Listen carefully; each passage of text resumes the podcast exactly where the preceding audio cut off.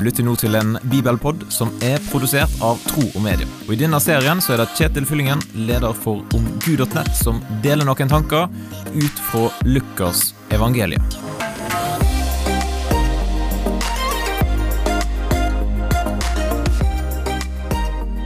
Hvordan er ditt forhold til det å ta imot råd ifra andre?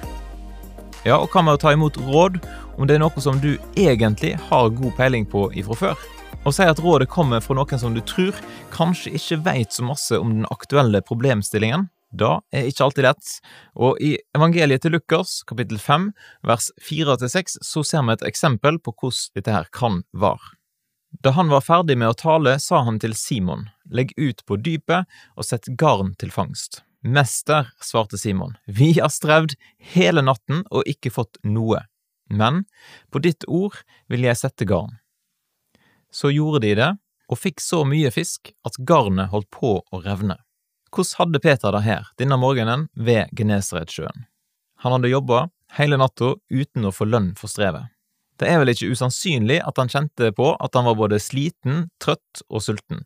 Og kanskje også litt motløs og bekymra. Hva skulle de spise nå denne dagen her?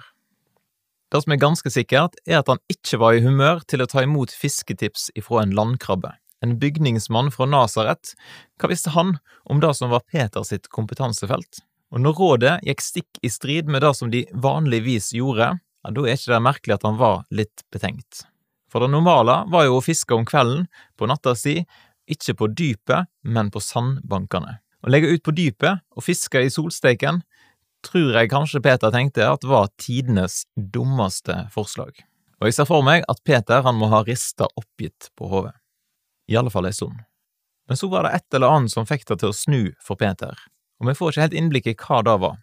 Kanskje var han bare lei av å høre på maset ifra Jesus, eller han ville vise folk at eh, hvor feil Jesus kunne ta, men det er jo mulig at det gikk opp et lite lys for Peter, at siden Jesus kunne beordre sykdom å forsvinne, ja, kanskje han òg kunne lokke fram fiskerne. Ikke godt å vite, men resultatet var det ikke noe å si på. Middagen var sikra for Peter og for mange flere i lang tid. For Jesus var ingen vanlig landkrabbe uten peiling på fisk. Han har peiling på det aller meste, så da å lytte til Jesus og følge hans tips og anbefalinger, da kan være lurt, ikke bare når det handler om fiskeplasser, men òg i større spørsmål i livet. For Jesus han har faktisk peiling på det aller meste. Hva tenker du om disse ordene her i Lukas kapittel 5? Du er velkommen til å dele dine tanker med meg. Send en e-post til kjetil.troogmedia.no, eller ta kontakt gjennom sosiale medier. Og til slutt, jeg hadde satt kjempestor pris på om du delte Bibelpodden med noen som du kjenner. Da ønsker jeg deg en fin dag, og så poddes vi jo plutselig igjen.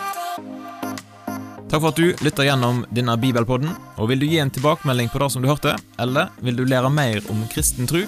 Da kan du gå til nettsida omgud.nett. Eller du kan sende en e-post til kjetil etter troogmedia.no.